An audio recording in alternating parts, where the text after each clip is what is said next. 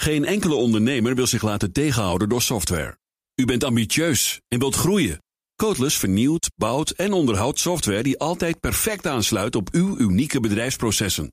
Zodat u de beste software heeft voor uw bedrijf en ambities. Nu, morgen en over 30 jaar. Kijk op slimsoftwarenabouwen.nl. BNR Nieuwsradio. The Big Five. Diana Matroos. Welkom bij BNR's Big Five. Politiemensen, verplegers, vrijwilligers, huisartsen, hulpverleners. Ze staan deze week bij ons in de spotlights. We klapten massaal voor ze. Ze zijn uh, onze helden, houden Nederland draaiende.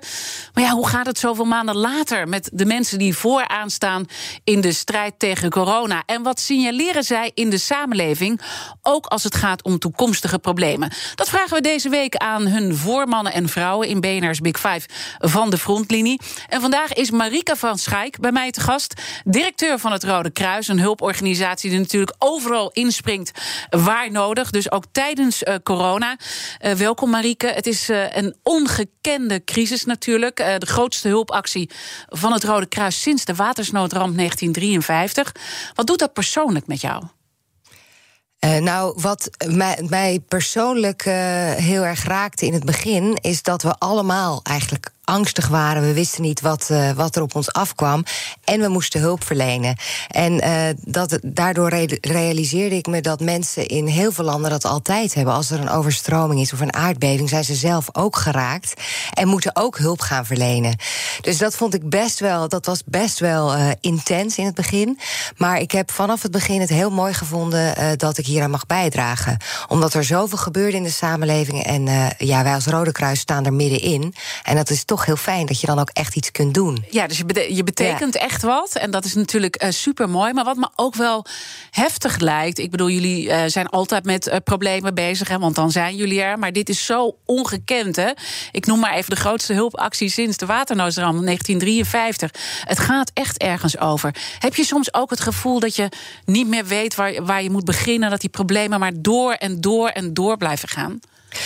Ja, dat gevoel hebben we wel. Uh, vooral omdat het steeds ook weer verandert. En er steeds ook weer nieuwe prognoses komen. En we als organisatie dus de hele tijd uh, ja, toch moeten denken: wat komt er nu over een maand, over twee maanden, drie maanden? is allemaal heel onzeker. Um, dus dat is, dat is best wel heel uitdagend. Tegelijkertijd hebben we ook wel in de loop van de crisis echt wel prioriteiten moeten stellen. Van ja, wat doen we wel en wat doen we niet? Want we moeten het ook veilig en verantwoord doen, natuurlijk, onze ja. hulp. Ja, dat, ja. dat viel ook ook al eerder deze week. Hè, dat je natuurlijk ook je eigen mensen natuurlijk ook uh, nou ja, in gevaarlijke situaties brengt. En dan moet je natuurlijk ook elke keer goed afwegen. Als je even kijkt uh, terug, hè, want we gaan straks ook vooruit kijken. Maar als je gewoon even terugkijkt naar het begin. Uh, jullie hebben natuurlijk draaiboeken voor dingen klaar liggen. Maar hadden jullie ook hier een draaiboek klaar liggen? Want ik denk iedereen liep achter de feiten aan natuurlijk. Nou, wij hebben wel een crisismanagementplan, zoals dat heet. En dat oefenen we ook elk jaar. En wij zijn wel heel erg gewend om met uh, crisis om te gaan. Uh, pandemieën uh, is ook een crisis die ge geïnventariseerd is al eerder door het Internationale Rode Kruis. In december heb ik daar nog een vergadering over gehad. Maar we hadden geen specifiek pandemie-draaiboek.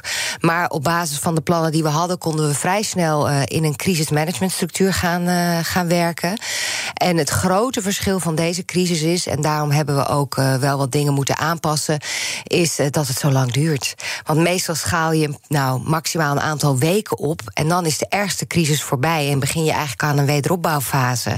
En daar zijn we nog niet. Dus nee. dat is echt een heel groot verschil. Dus eigenlijk ben je continu nog steeds uh, aan het inspelen op nieuwe situaties. Ja, maar wel binnen bepaalde prioriteiten. We hebben al vanaf het begin gezegd: we gaan onze programma's inrichten uh, via de basislevensbehoeften. Hè. Een mens in nood heeft tekort aan basislevensbehoeften. Dat zijn bijvoorbeeld voedsel en water, medische zorg, psychosociale zorg, een veilige plek. Dus we hebben gezegd, nou, we gaan onze programma's langs die lijnen inrichten. En binnen die lijnen uh, gaan we ook zorgen dat de dingen die we doen, dat we die goed kunnen opschalen en dat, die, dat we die goed voorbereiden en weten uh, hoe we dat moeten doen. Want als je steeds weer iets nieuws gaat doen, dan begin je steeds weer overnieuw en ben je steeds meer in die, weer in die beginfase bezig. De uitdaging zit, zit steeds in het op- en het afschalen. Ja, ja steeds weer. Ja, ja. En, en kan je daar iets meer over vertellen? Wat dan, nou ja, waar jij als directeur van het Rode Kruis dan mee worstelt? Uh, nou, ik denk wat voor mij de allergrootste uitdaging is. Nou, het zijn er eigenlijk twee. De ene is uh, plannen voor de korte, middellange en de langere termijn. Dat is echt een uitdaging. Wat komt er ook na COVID? Wat wordt onze rol na COVID? Wat, wat voor problemen zien we dan in de samenleving? Hoe snel gaat de vaccinatiecampagne? Hoeveel zorg is er nog nodig in de zorginstellingen? Hoe ziet de zorg eruit na COVID? Al dat soort dingen. Ja, dat, dat is best moeilijk om daar scenario's scenario's op te maken op dit moment. Nou ja, en ik kan me ook voorstellen, een, een gevaar als je zo aan het crisismanagen bent, uh, dat je ook heel moeilijk naar die lange termijn kan kijken. Want al je tijd gaat op naar het managen van die crisis op dat moment. Dat klopt. En ik zie het ook wel als mijn taak om steeds weer naar die langere termijn uh, te blijven kijken. Maar daar heb ik ook de mensen van het nu voor nodig. Hè? En die hebben heel veel te doen. Want dan kom ik op mijn tweede grote zorg. Is dat ik zie dat uh, en de vrijwilligers en onze medewerkers gewoon best wel heel moe zijn. Uh, toch weinig vrij hebben genomen of helemaal niet. Weekenden werken, avonden werken. En dat is prima om dat een tijdje te doen. Hè. We werken voor een noodhulporganisatie.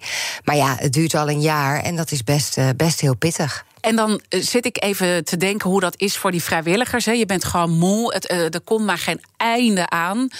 En je wil natuurlijk ook niet zeggen: ik ga geen hulp meer geven. Hoe, hoe, hoe, gaat dat in die hoofden van vrijwilligers? Nou, je ziet eigenlijk dat vrijwilligers altijd heel enthousiast beginnen. Ja. Uh, en heel graag willen helpen. Maar als het echt lang duurt en veel uren is, dat, dan wordt dat, uh, wordt dat lastig. Dus je ziet nu ook dat bepaalde hulpverleningsinterventies, bijvoorbeeld bij vaccinaties, die, uh, ja, daar moet je ook echt wel een bepaalde training voor hebben, opleiding. Dan moet je echt beschikbaar zijn, minimaal drie dagen per week. Dat doen we inmiddels ook betaald, want anders kunnen we die steun ook niet uh, bieden uh, in de samenleving. Dus vaak is de opstart uh, met vrijwilligers dan in die gevallen. en bepaalde taken zijn met vrijwilligers die je goed kunt invullen.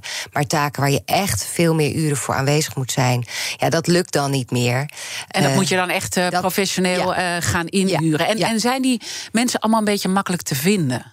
Ja, op zich wel hoor. Er zijn heel veel mensen die graag, graag willen werken voor het Rode Kruis als vrijwilliger. En ook bijvoorbeeld voor de vaccinaties. Veel mensen die bijvoorbeeld vroeger in, uh, in de zorg hebben gewerkt en die zeggen: Ik wil wel vaccineren. Uh, dat, dat loopt goed. Er zijn veel mensen die uh, hun handen uit de mouw willen steken. En net zei het al een beetje zo tussen neus en lippen door. Je moet natuurlijk wel zorgen dat die mensen ook niet in ja, gevaar worden gebracht, terwijl ze toch een gevaarlijke situatie instappen. Hoe is dat voor jou om die mensen in die situatie te brengen met zoveel onzekerheden ook, die je zeker in het begin had? Nou, mensen moeten heel goed getraind worden. En dat is dus heel erg belangrijk. Bijvoorbeeld als je beschermingsmiddelen aan moet trekken. Maar ook uh, als je vervoer doet. Hoe ga je daarmee om? Hoe ga je met mensen om? En dat gaat natuurlijk om de COVID-veiligheid. Maar het gaat ook om andere dingen. Hè. Hoe, hoe help je iemand? Hoe ondersteun je iemand? Je eerste hulpdiploma. En ik denk een van de dingen die soms nog wel het allerbelangrijkste is, dat mensen ook goed weten wat ze niet mogen doen. Want mensen willen zo graag helpen dat ze erg snel in situaties kunnen stappen uh, ja, die, die uh, potentieel een veiligheidsrisico hebben. Dus mensen moeten ook heel goed horen wat ze niet mogen doen. En wat doen. mogen ze dan bijvoorbeeld niet doen? Uh, nou, bijvoorbeeld eerste hulp verlenen. je moet snel een arts bijvoorbeeld erbij roepen. Hè? Als je eerste hulp verleent, bijvoorbeeld op een vaccinatielocatie, je moet eigenlijk meteen een arts erbij roepen. Je mag niet denken van, oh, die hebben het zo druk, ik bekijk het zelf wel even. Of ik ga die persoon zelf uh, proberen te behandelen. Dat soort zaken. Uh, ook bij mensen thuis, bijvoorbeeld bij begeleid vervoer, als je bij mensen thuis komt en mensen vragen meer hulp en willen meer hulp van je, dan moet je een duidelijke afbakening hebben van wat je wel en niet mag doen. En dat doen we ook om mensen te beschermen, want je kan ook in een heel problematische situatie uh, verzet. Ja, en dan sprak ik eerder deze week sprak de directeur van de kindertelefoon. En die zei: Je moet niet het type redder zijn. Eh, herken je? Want ja, ik bedoel, dat is natuurlijk wat je precies. denkt. Het Rode Kruisje, die komen je redden. Ja, ja, ja, en eigenlijk denk ik dat we bij het Rode Kruis heel veel mensen hebben die type redder zijn. En wij moeten dus uh, juist deze mensen heel erg uh, duidelijk maken dat je niet alles en iedereen kan redden. En dat je altijd eerst aan je eigen veiligheid moet denken. En ook aan de consequenties. Uh, in uh, internationale hulpverlening met name hebben we een heel duidelijk principe. En dat betekent do no harm. En do no harm betekent ook dat als je hulp gaat verlenen, moet je ook meteen gaan nadenken: en wat gebeurt er daarna? Want je kunt in een situatie terechtkomen dat je mensen afhankelijk maakt van je hulp, of een situatie creëert dat je eigenlijk niet meer je eruit terug kunt trekken. En dat is ja. schadelijk. En, en kan je daar dan een voorbeeld van geven dat je dan bijvoorbeeld moet zeggen: ik doe dit niet? Want do no harm. Nou, ik denk dat het bijvoorbeeld uh, uh, heel. Uh, dit is iets minder do no harm. Maar het is bijvoorbeeld heel erg belangrijk. wij hebben op de Caribische eilanden, Sint Maarten, Aruba en Curaçao. een heel groot voedselhulpprogramma uitgerold. wij steunen daar nu zo'n 15% van de bevolking met voedselhulp. dat gaat met financiering van het ministerie van Binnenlandse Zaken en Koninkrijksrelaties. Maar wij zijn nu heel erg in gesprek met de overheden daar. Die toch zeker een, een een deel of een groot deel van het programma moeten gaan overnemen. Want anders, wat doen wij dan? Wij gaan eigenlijk bestaande structuren binnen een land ondermijnen. Terwijl op den duur zijn mensen daarop aangewezen. Dus wij moeten er wel voor zorgen dat, uh, dat wij uh, echt die onafhankelijke positie kunnen blijven bewaren. En is dat een gesprek wat jij dan uh, voert? Ja, ook. Maar ook mijn collega's van de internationale afdeling natuurlijk met ja. het ministerie. En soms ben ik daarbij betrokken. Ik ben in november nog op Curaçao en Aruba geweest. Ja. Nou, Aruba was virtueel, maar Curaçao ben ik zelf geweest. Ja, en, en is dat dan moeilijk om met die hardheid ook te komen? Nee, maar dat is geen hardheid. Het is eigenlijk een gezamenlijk doel. Hè. Mhm. Ook die overheden willen graag uh, hun eigen rol pakken. Uh, en uh, belangrijk is om daar goed over af te stemmen. Van wat is reëel, wat is haalbaar. En wie doet wat. En hoe, hoe bouwen wij af en zij op. En hoe doe je dat in overleg. En dat gaat eigenlijk heel vloeiend. Dat is niet een soort nou, dat struggle. Is niet... want ik kan me ook voorstellen dat ze zo lang mogelijk willen dat jullie daar iets blijven doen. Ja, natuurlijk. Dus daar, heb je soms makkelijke dingen in en soms dingen waar je wat langer over door moet praten. Maar uh, daar zit iedereen in ieder geval constructief in. The Big Five. Diana Matroos. Deze week vijf kopstukken uit de wereld van de frontlinie. Eerder deze week sprak ik onder andere met de directeur van de kindertelefoon en de politiechef van onze hoofdstad. Alle gesprekken zijn terug te luisteren in onze BNR-app. Mijn gast vandaag is Marieke van Schaik. Zij is de directeur van het Rode Kruis Nederland. Uh, ik vroeg me ook af, uh, jullie hebben dus op verschillende manieren die ondersteuning uh, gedaan. Als je even kijkt, helemaal in het begin, wat waren toen met name de vragen die boven kwamen, waar jullie op moesten inzetten? Nou, helemaal in het begin, en dat vond ik heel bijzonder om te merken, was er heel veel behoefte aan communicatie vanuit het Rode Kruis. En we hebben toen ook al heel snel die hulplijn uh, geopend. En dat liep, dat was, hebben we ook al op 16 maart uh, geopend. Was best spannend, maar dat, die stond roodgloeiend. En uh, ja, mensen waren zo angstig. Ik heb toen zelf ook nog meegebeld. Ja, mensen moesten gewoon gerustgesteld worden. En ja, dan, dan vervul je als Rode Kruis, als betrouwbaar merk, toch een heel bijzondere rol. Uh, en ook als mensen dan uh, de persconferentie van de premier hadden gehoord, dan belden ze daarna naar het Rode Kruis. Van wat betekent het voor mij om toch nog even die uitleg uh, te hebben. Dus dat was eigenlijk één. En dat, dat scharen wij onder psychosociale ondersteuning. Maar ik vond het wel heel bijzonder om te merken hoe het Rode Kruis dan die rol kan ja, en dan, en dan moet je dus mensen geruststellen. Ja. Terwijl als we even, ik bedoel, nu intussen weten we zoveel meer. Maar als ik even terugdenk hoe ik dat ook beleefd heb toen en heel veel, we wisten nog zo weinig. Ik bedoel, ook jullie wisten heel weinig, toch? Ja, dat was heel, heel moeilijk. En uh, ik denk dat het ook meer een luisterend oor was, vaak. En wat wij natuurlijk ook hadden, we hadden het Let op elkaar netwerk. Dus als er mensen echt problemen hadden, dan konden we ook doorverwijzen naar een van onze districten. En konden we ook hulp voor ze regelen. Dus dat, was, dat konden we concreet uh, doen. Dus dat was heel erg mooi. Maar het was heel vaak gewoon een luisterend oor. Uh, en ja, wij konden ook niet veel meer zeggen dan dat we toen wisten. Nee. Uh, dus ook dat was elke keer weer ja. bijschakelen. Nou, dat was dus eigenlijk in het begin heel erg die hulp ja. die jullie hebben verleend. En op een gegeven moment werd het echt de zorg ondersteunen. Ja, de zorg ondersteunen is altijd al een kerntaak van het Rode Kruis. Uh, en wij zijn eigenlijk heel snel begonnen met het ondersteunen van huisartsenposten bijvoorbeeld. Omdat er vaak corona-spreekuren waren en normale spreekuren. Of extra callcenters, want huisartsenposten werden ook heel erg belast. Ondersteuning in verpleeghuizen. Ik sprak twee weken geleden nog met een vrijwilliger uit Rotterdam. En zij heeft in het begin in een verpleegtehuis uh, geholpen. Ze zei, ja, daar lagen gewoon 40 ouderen met corona. en drie verpleegkundigen. En het was gewoon verschrikkelijk. En ik kwam binnen en uh, er werd gezegd: ga daar, maar die, bij die meneer zitten, want die uh, gaat het niet halen. En ja, dat hebben dus vrijwilligers gedaan. Dat is heel heftig geweest. Vrijwilligers van jullie dus? Ja, ja, ja. ja. Dus die ondersteuning en dan zoeken, want die verpleegkundigen hebben dan op dat moment natuurlijk ook geen tijd om je even in te werken. Van wat kan ik doen? Kan ik even bij mensen gaan zitten? Kan ik even lunch regelen? Oh, niemand heeft nog drinken gehad. Dat is een hele heftige tijd geweest. En op dit moment uh, steunen we nog steeds uh, huisartsenposten, heel veel zorginstellingen met allerlei hand- en spandiensten. De COVID-afdeling, bijvoorbeeld bij het Erasmus, ook bij andere ziekenhuizen. Heel veel begeleid vervoer doen we mensen die bijvoorbeeld naar een ziekenhuisafspraak moeten en niet zelf daar kunnen komen, iemand nodig hebben, dan gaat er een vrijwilliger, mm haalt ze op en begeleidt ze. Dus echt uh, de ondersteuning van de zorg. Ja, dat is ons en maar als je toch dan even dat begin, dat is echt ja, heftig. Dan zit je daar als uh, vrijwilliger. Um, ik weet niet hoeveel mensen, hoeveel ervaring deze mensen ook al hadden. Nou, maar zaten daar ook nieuwe mensen tussen? Ja, en ook mensen die eigenlijk uh, deze vrijwilliger zelf ook, die kwam uit de evenementenhulp. Dus die had ook nog nooit zoiets gedaan. En zij zei tegen mij dat ze het vooral heel lastig vond. bij evenementenhulpverlening doe je EHBO. Dus dan grijp je altijd in als er iets gebeurt en dan doe je iets. Maar ze zei ja, ik moest gewoon naast iemand gaan zitten die ging sterven. En ik moest gewoon mensen slokjes water geven. En dat voelt zo dat je niks kunt doen. Ja. ja. En hoe gaat het nu met deze mensen? Want ik kan me ook voorstellen dat dat uh, psychisch een enorme druk op je legt. Ja, daar hebben wij heel veel aandacht voor. En vooral bij dit soort zware diensten, dan is er altijd een debrief.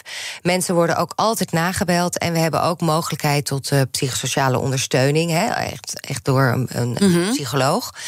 Uh, het gaat goed met haar. Zij werkt dus nu ook nog op de COVID-afdeling. En ja, ik vind dat ook geweldig. COVID-patiënten COVID zijn vaak heel onrustig en trekken dan dat masker af. En elke keer gaat er dan een alarm.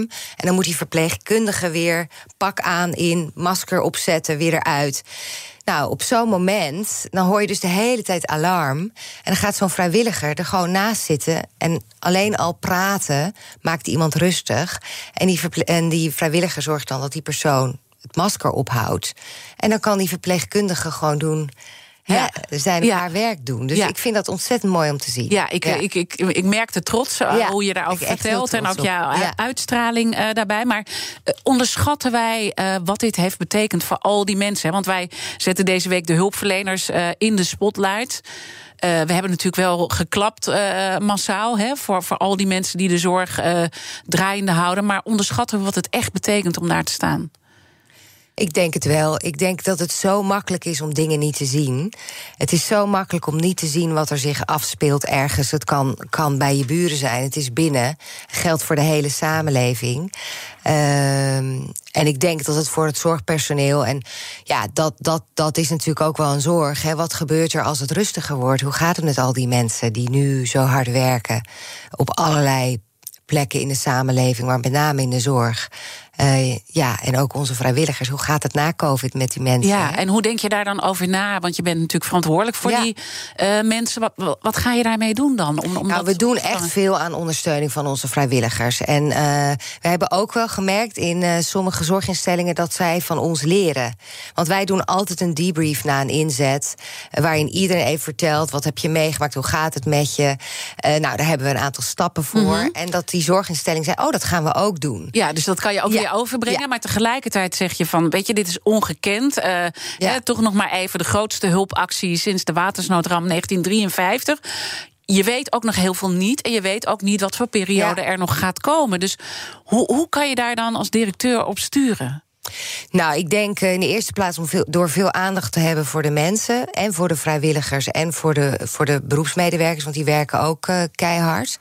En twee, goede, goede uh, steunstructuur. Dus mensen kunnen echt een, een, een coach bellen. Dat kan binnen het Rode Kruis. Dat hebben we gewoon heel duidelijk. En die goede debrief. En ook zorgen met elkaar dat we ook toch die verbinding blijven zoeken met elkaar. Die momenten waarin we echt even weer met elkaar uh, contact hebben. Niet alleen over werk hebben. En ook even vragen van hoe gaat het met je. Ja. Het zit ook heel veel in met elkaar erover napraten. Ja, dat is eigenlijk gewoon, misschien vergeet je dat soms door de drukte, maar precies. dat gewoon doen elke keer is super belangrijk. Sta je zelf ook uh, vaak uh, nou ja, in de frontlinie? Nou, ik heb niet zelf. Uh, nou, ik, ik, wat ik wel doe, is ik ga elke week uh, mee met een inzet. En dan help ik ook mee als dat kan. Ik heb soep uitgedeeld, ik heb voedselpakketten ingepakt. En uh, ik heb voor, deze week nog meegedaan aan een stukje van de vaccinatietraining. Dus dat doe ik ook echt om echt te weten wat er gebeurt. Maar ik heb niet echt lange inzetten gedraaid, omdat ik denk dat mijn, mijn functie nu ergens anders ligt. Maar ik ga elke week ergens kijken en help dan mee als dat kan. Ja, en als je dan kijkt naar uh, een van die bezoeken, wat maakt dan indruk op jou waarvan je echt denkt: wauw, dat, dat, dat, dat dit gebeurt? In Nederland? Nou, ik vind, vond het bijvoorbeeld heel mooi. Ik was een paar weken geleden bij Begeleid Vervoer. En er was een vrijwilliger. En die neemt dan iemand mee in zijn bus om naar de ziekenhuisafspraak te gaan. En dit was een, eh, een, een, een mevrouw met een syndroom van Down. En die had niet zo goed nieuws gekregen in het ziekenhuis. Die was heel verdrietig. En hij vertelde dan dat hij dan in de bus met haar, Nick en Simon, draait. En dat ze dan samen heel hard gaan zingen. En dat ze dan zo opgevrolijkt is. Nou, dat vind ik heel mooi om te horen. En ik denk dat het super is dat dat onze vrijwilligers het mogelijk maken om ook toch een beetje dat menselijke contact te brengen op het moment dat mensen kwetsbaar zijn. Uh, wat voor, voor, voor het zorgpersoneel op dit moment natuurlijk gewoon echt vaak moeilijk is in de drukte. En is dat dan ook onderdeel van de training die jullie de vrijwilligers geven? Dat dat toch een heel belangrijk aspect is? Ja, nou, het is, het is een onderdeel. Hè. Je leert natuurlijk in je training, in je HBO. En je leert ook natuurlijk uh, in je briefing dat het belangrijk is om met mensen te luisteren. En even rust te nemen voor mensen. Voor elke inzet wordt er natuurlijk een, een briefing gegeven. En dan komt dat ook aan de orde. Van ga rustig even bij iemand zitten als die onrustig is, bijvoorbeeld. Ja, uh, ja dus ja. dat zeker. ja. ja. Mijn gast in uh, BNR's Big Five van de frontlinie is Marieke van Schaik. Zij is de directeur van het Rode Kruis. En we hebben net heel erg uh, nou ja, gesproken over hoe die hele organisatie elke keer zich aan heeft gepast in het afgelopen jaar. Maar we gaan straks echt uh, praten over wat jullie nu signaleren. En ook de grote zorgen voor de toekomst. Nieuwe kwetsbare groepen die door de coronacrisis zijn ontstaan. En ja, we zijn een ondernemende zender natuurlijk bij BNR. Denk aan al die ondernemers die gewoon geen geld meer hebben om te eten bijvoorbeeld. Tot zo. BNR Nieuwsradio. The Big Five. Diana Matroos. Welkom bij het tweede halfuur van BNR's Big Five. Deze week praat ik met vijf kopstukken uit de wereld van de frontlinie. Zo waren eerder deze week de directeur van de kindertelefoon en de politiechef van Amsterdam, die ook verantwoordelijk is voor de landelijke organisatie van de ME, bij mij te gast. Alle gesprekken zijn te vinden in onze BNR-app. Mijn gast vandaag is Marika van Schaik, directeur van het Rode Kruis. We hebben net heel erg uh, gesproken nou ja, over de organisatie en hoe je dat ook coördineert met uh, vrijwilligers en wat die allemaal over zich heen krijgen in zo'n uh, ongekende crisis. Uh, maar de kwetsbare groepen komen ook heel erg uh, aan het licht. Wat valt jullie op? Nou, wat wij hebben gezien uh, in de loop uh, van het uh, jaar, eigenlijk vanaf de zomer, is dat die voedselnood enorm in Nederland is toegenomen. we, hebben, we, we, delen bijna 6000 voedselkaarten uit per week. We doen vooral boodschappenkaarten. En we hebben zo'n 230.000 voedselpakketten al uitgedeeld. En ja, dat zie je dus in eerste plaats zag je dat vooral komen bij mensen die ongedocumenteerd zijn. En dat zijn mensen die in de informele baantjes werken in de horeca en de schoonmaak, dat viel allemaal weg. Um, en die uh, mensen uh, hadden gewoon geen geld meer om eten te kopen. Dus dat was vooral de eerste groep.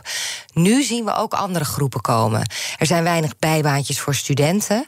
Uh, dus toch studenten en daarnaast ook toch freelancers en ondernemers. Ja, mensen hebben vaak toch hoge vaste lasten. Omdat ze gewend zijn aan een bepaald inkomen. En je hebt niet in één keer lagere vaste lasten natuurlijk. Dan moet je echt ingrijpen ingrijpende beslissingen nemen.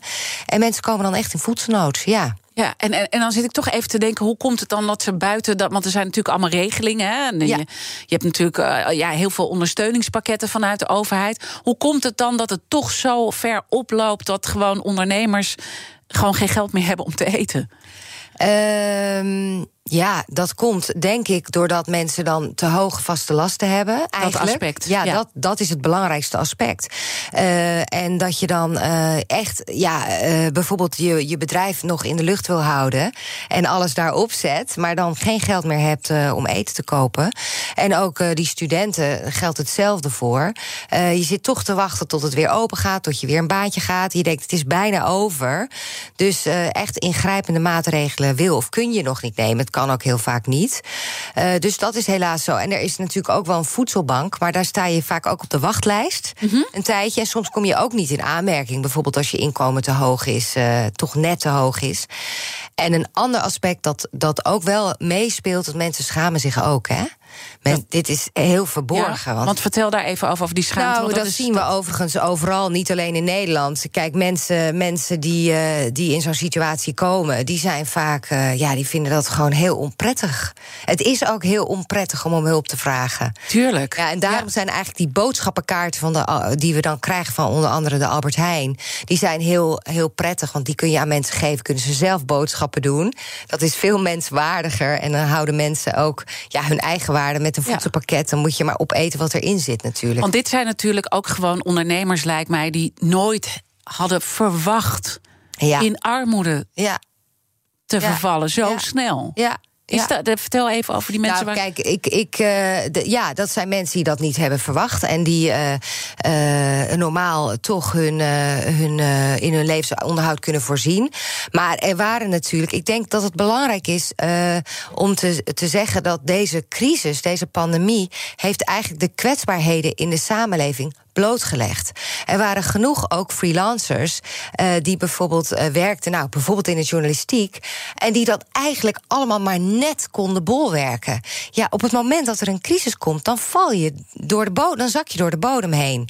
En ik denk dat dat wel een, een, een, een les is, dat we toch veel meer moeten gaan kijken met elkaar naar welke kwetsbaarheden zien we nou in onze samenleving. Dat als er zo'n crisis komt, dat je daar ook beter op kan inspelen of je beter kunt voorbereiden. Mm -hmm. Ik ja. denk dat dit heel mooi is om om ook de kettingvraag te, bij te betrekken. Want dat heeft er alles mee te maken. Ik sprak namelijk eerder met Ella Kalsbeek. Zij is de voorzitter van de Landelijke Huisartsenvereniging. En zij had deze vraag voor jou. Mensen die het niet zo breed hebben, die hebben over het algemeen ook een veel slechtere gezondheid. Ze leven aangetoond jaren korter.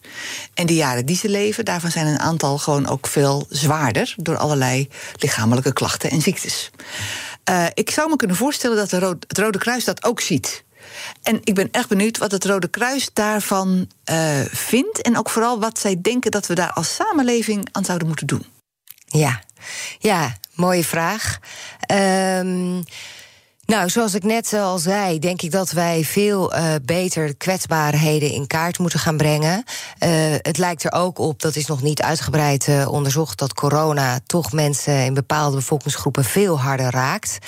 Um, en waar wij echt voor pleiten is dus veel meer kijken naar kwetsbaarheden en veel meer gaan werken aan preventie. wij zien ook dat noodhulp alsmaar toeneemt, ook internationaal. De verwachting is dat een aantal mensen dat noodhulp nodig heeft internationaal tot 2050 gaat verdubbelen. Dat kunnen we niet meer. Uh, oplossen met, uh, met noodhulp alleen. We moeten echt gaan kijken naar de oorzaken en aan preventie. Elke euro die je uitgeeft aan preventie bespaart 7 euro.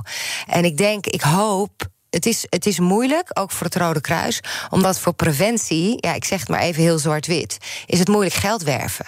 Want je ziet het probleem nog niet. Mm. Maar we moeten toch kijken hoe we met elkaar, overheid, bedrijfsleven en organisaties als het Rode Kruis, toch die kwetsbaarheden, misschien met de les van de crisis, veel inzichtelijker gaan maken. En ons daarop te gaan voorbereiden en preventieve maatregelen te gaan treffen, want die zijn er gewoon. En als we dan aan een preventieve maatregelen uh, denken met de, met de problemen die jullie nu signaleren, waar denk je dan aan? Nou, je zou in Nederland kunnen denken aan toch uh, uh, meer gezonde voeding en daar ook bepaalde stimula stimulerende maatregelen op af te spreken. Meer beweging. Uh, mensen beter uh, leren wat ze kunnen doen in een crisissituatie. Uh, mensen handvatten geven om aan hun eigen gezondheid te werken. En ook bijvoorbeeld heel simpele dingen, EHBO, psychosociale ondersteuning. Als meer mensen dat soort dingen gaan doen, als dat bijvoorbeeld standaard komt ook in de, op de middelbare scholen als in het onderwijspakket, dan heb je natuurlijk wel meer voorbereide samenleving samenleving uh, op, die, uh, op die kwetsbaarheden. Want eigenlijk zijn we als samenleving natuurlijk heel weinig voorbereid op dit soort calamiteit. Of waren we dat in ieder geval? Ja, want je hoorde natuurlijk wel onze uh, premier, intussen demissionair premier, zeggen op tal van persconferenties: kijk naar elkaar om. Ja. Um, moeten we in de samenleving ook meer gewoon in, in straten, in buurten, uh, meer naar elkaar omkijken? En, en hoe moeten we dat dan uh, doen? Want alleen zeggen, kijk naar elkaar om, ja, wat, wat kunnen mensen daarmee?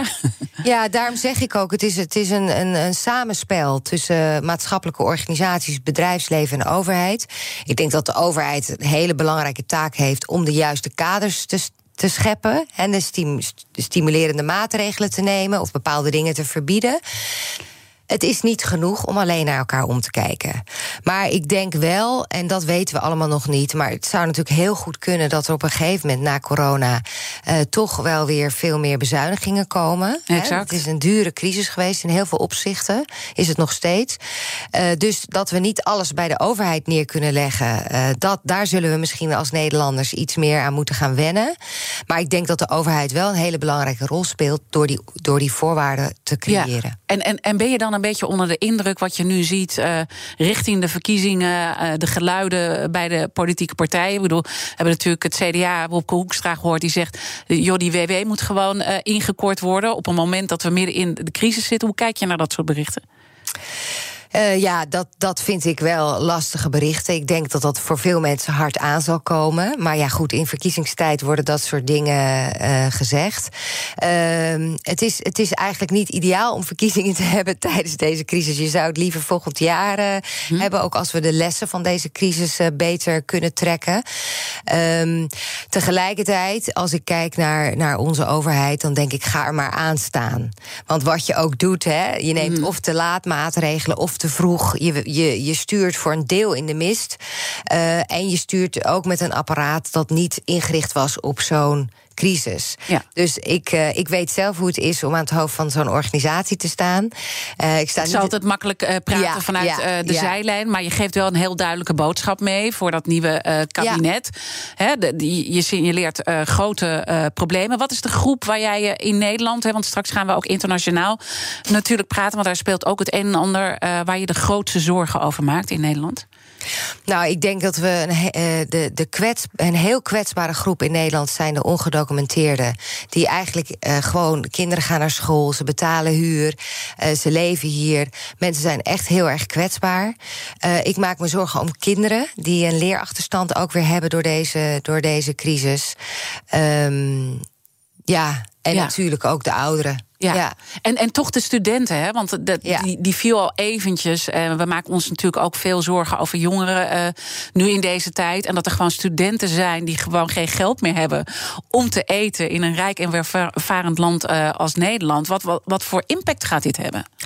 Ja, dat, dat moeten we gaan zien. Wij hebben ook onderzocht en 90% van de jongeren zegt dat ze zich vaak somber voelen. Uh, dus dat is niet positief.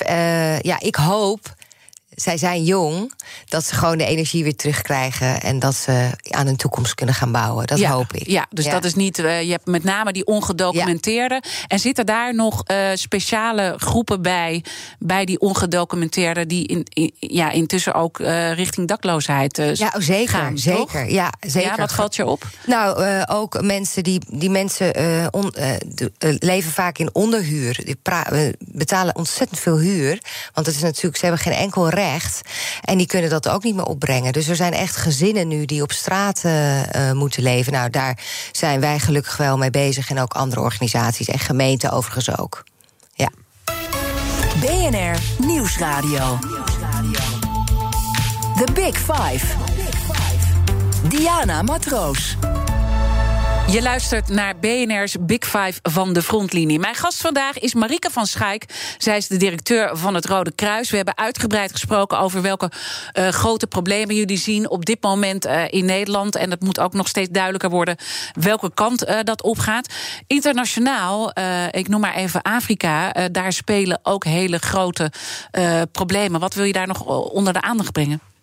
Nou, dat er, en ja, er is tegelijkertijd natuurlijk een andere crisis gaande, en dat is de klimaatcrisis. Uh, en je ziet nu ook dat uh, vier van de vijf uh, natuurrampen eigenlijk al klimaatgerelateerd zijn. En in Afrika zien we periodes van enorme droogte, periodes van enorme overstromingen, sprinkhanenplagen en dan in sommige gebieden zoals Tigray nu ook conflict het mhm. conflict uh, tussen Ethiopië en uh, Tigray.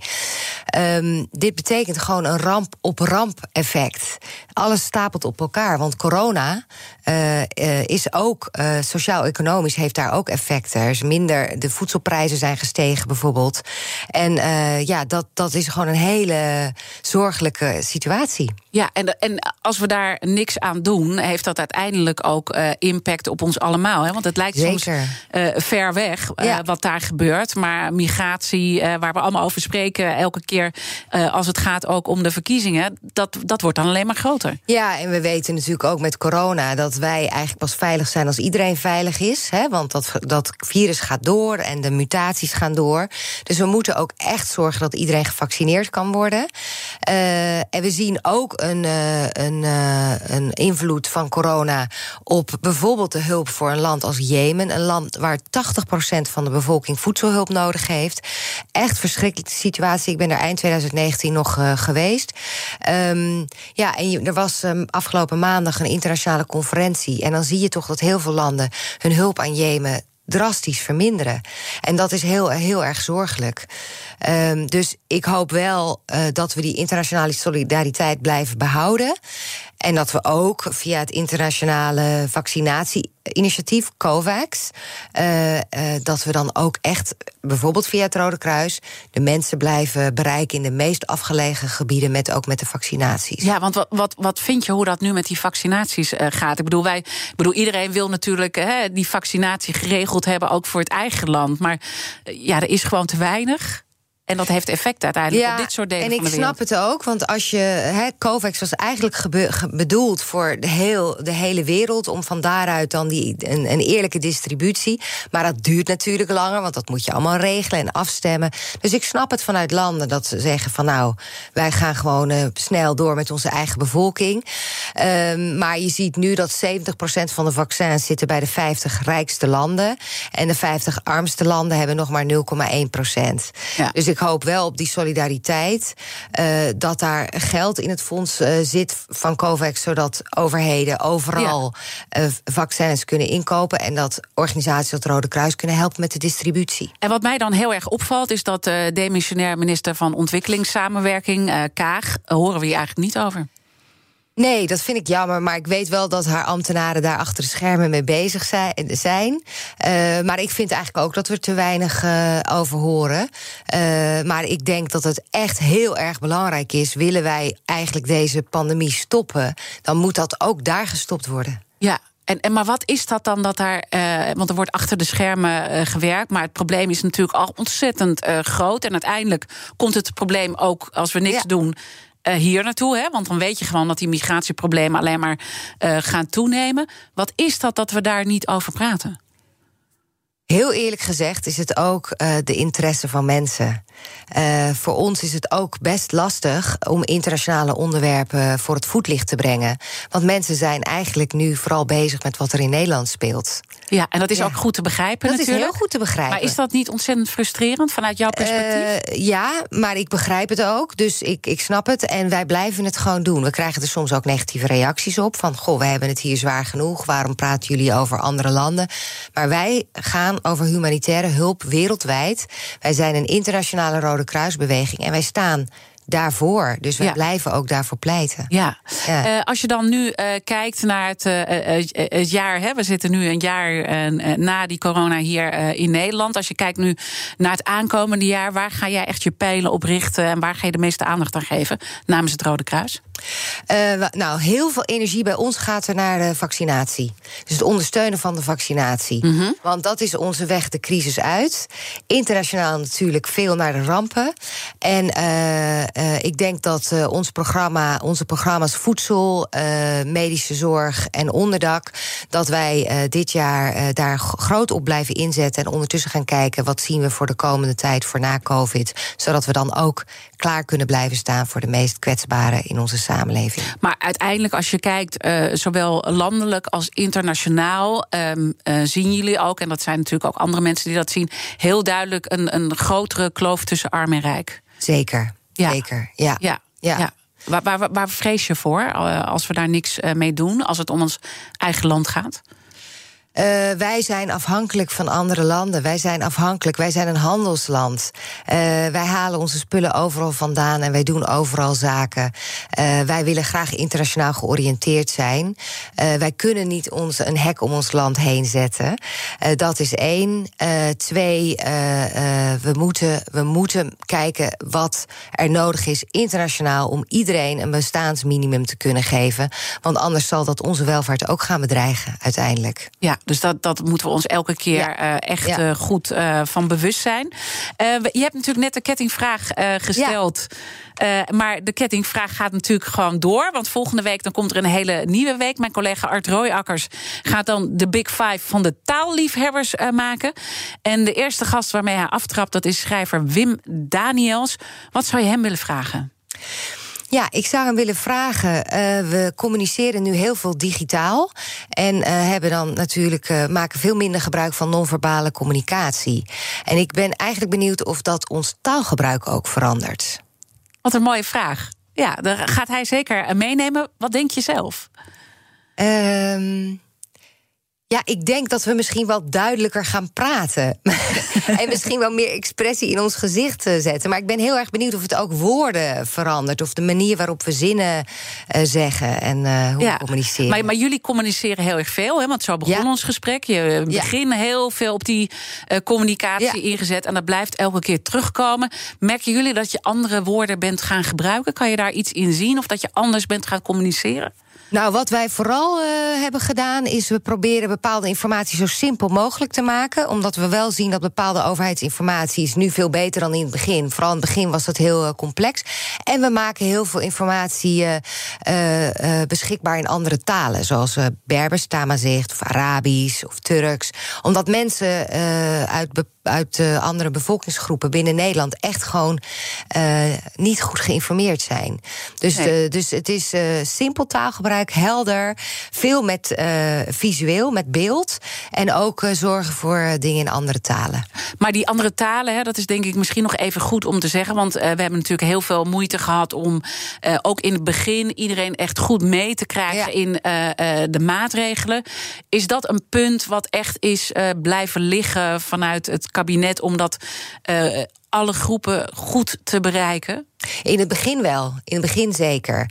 En ik denk ook uh, de informatie die je kon vinden op de site van de RIVM, die was natuurlijk gewoon vrij complex om ja. door te lezen. Dus in het begin zeker, het is nu wel, wel zeker verbeterd. Ja, maar ja. eerlijk, als je naar die persconferenties nee, uh, de kijkt... persconferenties zijn natuurlijk ontzettend talig.